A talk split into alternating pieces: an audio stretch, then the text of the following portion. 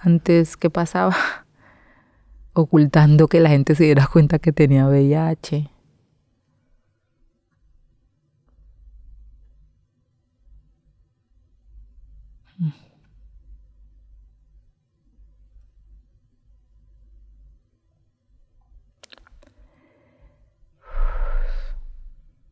en muchas ocasiones buscando dónde dormir, que no tenía dónde dormir con mis hijas. Eh, tres años después del diagnóstico quedé en embarazo de Laura, mi hija menor.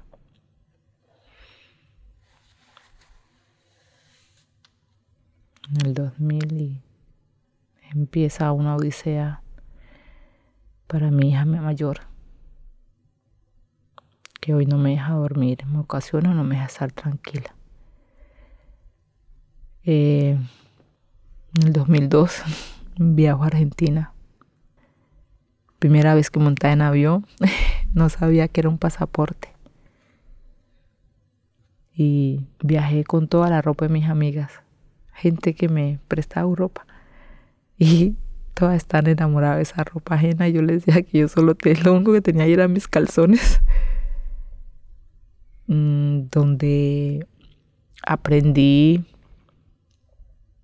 que hay que luchar, hay que exigir, que no es un favor que nos están haciendo los tomadores de decisiones, sino que hay que exigir porque ellos son unos trabajadores para nosotros. Solo aprendí de Patricia Pérez, que era la coordinadora de la ICW, la Comunidad Internacional de Mujeres con VIH, y cuando regreso a Colombia regreso con un título de coordinadora, donde no sabía cómo hacer un informe, pero Yaira Vargas me enseñaba a hacer el informe porque estaba viendo las realidades de las mujeres. Eh, pasaba que mis amigas, mi familia se fue. Pasaba que donde alquilaba la gente se daba cuenta y me sacaba. Pasaba que mi hija mayor nunca le decía a nadie que yo tenía VIH, yo soy epiléptica, y yo lo que le contaba a la gente era que como tantos golpes tenía un tumor en la cabeza y que me iba a morir pronto. Eh, pasaba que me dieron tres meses de, vida. Eh, bueno, ya estoy, sigo aquí. Cuando llego de Argentina, como les puedo decir que llegué, como que hay que seguir viviendo. Eh, hablé con mis hijas y les comenté que iba a ser visible, sobre todo mi hija mayor, porque la pequeña estaba, tenía apenas dos años que iba a cumplir. Pero ahí se empezó a alejar la gente y mucha gente creía que toda la gente que estaba alrededor mío tenía VIH. Me diagnosticaron de cáncer en el 2003. Sentía que moría también. Me daba más miedo ahí. Tuve una pelea con Dios creo en Dios. Le dije que ya estaba cansada de él porque que tenía VIH, tenía cáncer, epilética y también me dio una un tifo, una, una fiebre tifoidea. Entonces yo decía que si eran las, las siete plagas de Egipto que yo que le había hecho a él. Eh, tenía que reinventarme la vida de alguna forma. Vendí empanadas escondidas eh, al grupo autoapoyo donde iba, pues para poder pagar el arriendo, porque en un hogar infantil donde estudiaron mis hijas, eh, donde por medio quedé con conexión de, del hogar de la madre joven donde nació mi hija mayor, y ahí la hija de la fundadora del hogar de la madre joven manejaba un hogar infantil en, el oriente. Ahí estudié, me estudió mi hija menor, mayor, menor y ellos me van para la comida, donde muchas mamás, cuando se pensaban a dar cuenta de mi diagnóstico, le exigían a la directora que me sacara de ahí. Y empecé a buscar mujeres, a sacarlas de, de los patios de su casa, donde las tiraban, eh, porque tenían el diagnóstico, a empezar a ir a los hogares donde estaban ellas o los hospitales, a irlas a bañar cuando llegaban de otros municipios, irlas a apoyar, pero no tenía herramientas. Mi única herramienta era que sí les podía hablar de que sí podía sentir lo que ellas estaban sintiendo con ese diagnóstico. Mm. Ilusiones no había.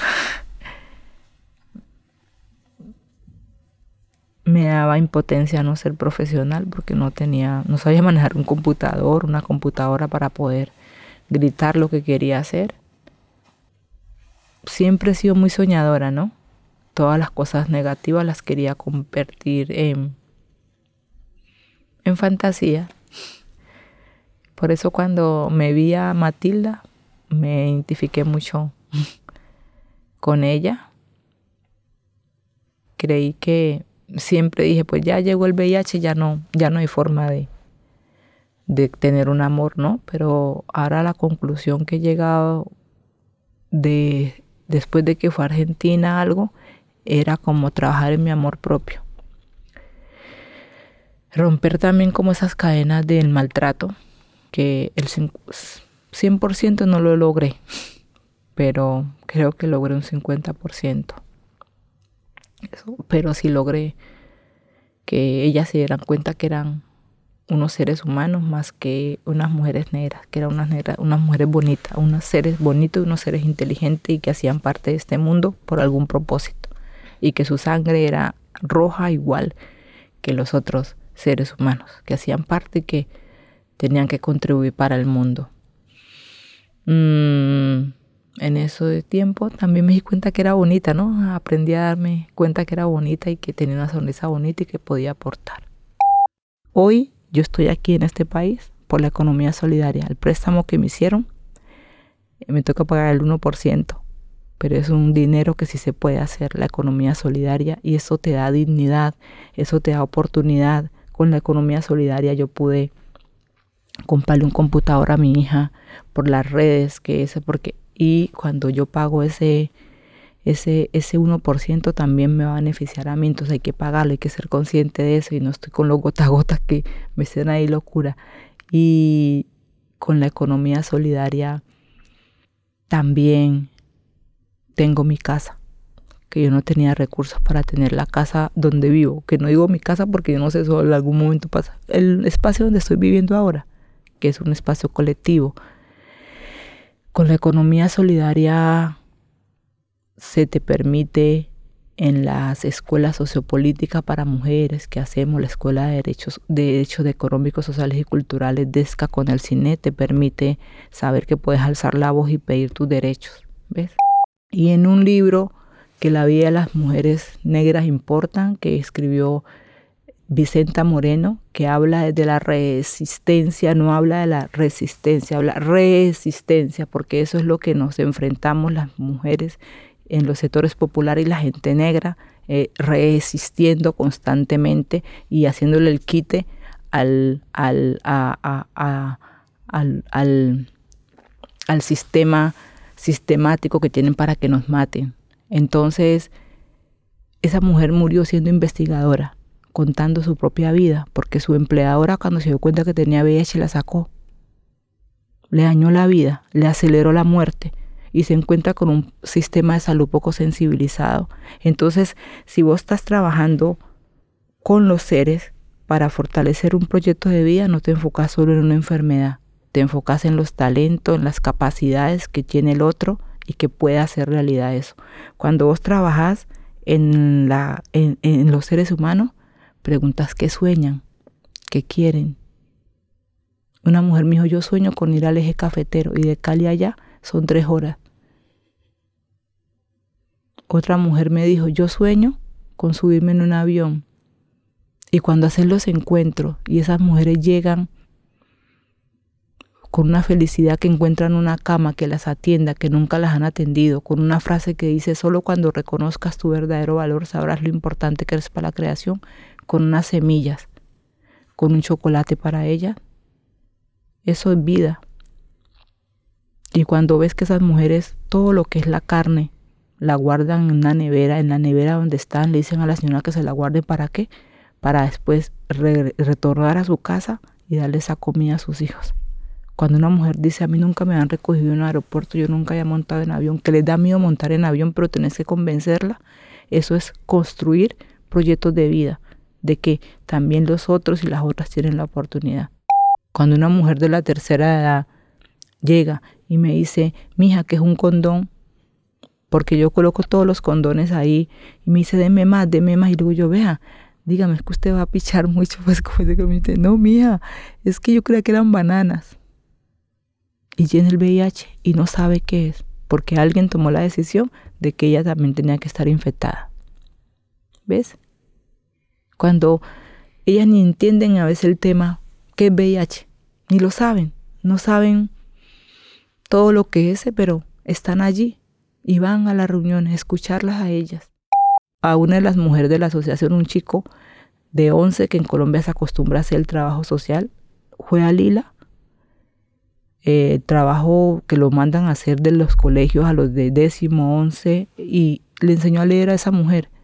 Pero cuando también las enfrentas a las situaciones, la mandé a un congreso a Bogotá y llegó y fue puteándome. Me dijo, ¿por qué me, me, mandaste allá? Sabías que yo tenía que hablar. Le digo, yo entonces aprenda a leer. Y entró a hacer la primaria. Hay algo muy bonito. Hay una trabajadora social y, y educadora popular, Liliana Ortiz, porque no se va a enojar porque yo diga su nombre, Liliana Ortiz. Llegó a nuestra vida en el 2006 haciendo su trabajo y fue uno de los mejores proyectos de grado que se pudo hacer porque ella estaba trabajando sobre la red de apoyo de las personas con VIH. Y las mujeres, como ella vivió con nosotras, como comió con nosotras, como hizo todo su estudio con nosotras, no hubo ningún problema. Todas le dieron la entrevista y se reían y disfrutaban porque Lilo entró en nuestras vidas, Lilo eh, se quedó en nuestras vidas. ¿Ves? Lilo se iba con nosotras a las marchas a Bogotá y todo, y, era, y, y nuestras hijas hacen parte de su vida. Entonces, porque ella no iba a ver un 5, ella iba a compartir con personas y compartió con personas. Es como esos ejemplos que te puedo dar de lo que es. Es eso. Y, por eso no permitimos cuando la gente va solo hacer una entrevista que hay las mujeres eh, gestantes con VIH porque los chicos de la universidad les pidieron que trabajaran eso. No. Entonces no los aceptamos. Somos rebeldes porque tienen que respetarnos, porque si se a ganar sus cinco, que se lo ganen bien.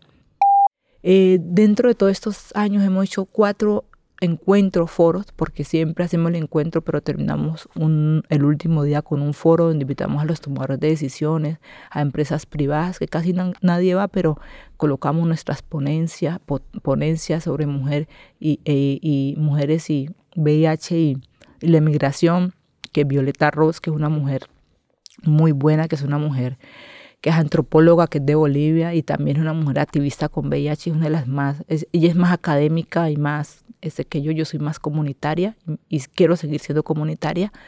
Eh, hago parte del movimiento eh, de Latinoamérica y el Caribe de las mujeres con VIH, soy la coordinadora en Colombia.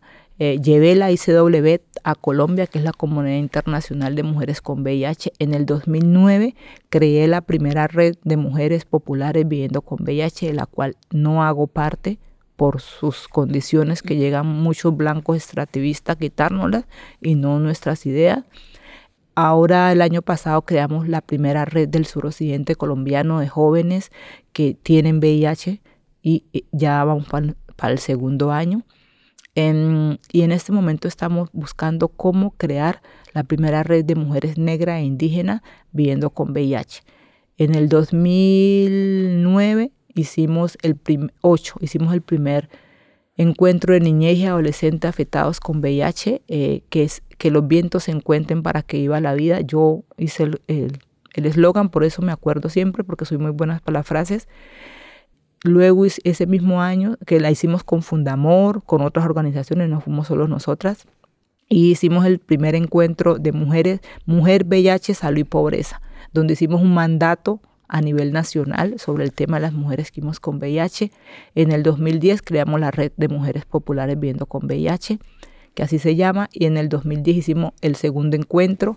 Luego, con la actual ministra de Educación, en su centro que ella estaba, que es el CEAD, porque la conozco hace años, no solo ahora. Eh, hicimos la primera investigación sobre mujeres con VIH, no quedó como Lila, queda ante las universidades, por eso quiero hacer mi centro de investigación popular, para nosotros investigar nuestras cosas, que nadie más nos venga a quitar nuestras cosas o que nos, o cuando nos aliemos con una universidad, que hemos de tu a eh, y ahí hicimos el tercer encuentro de mujeres con VIH, soy de las que lucha por vivir.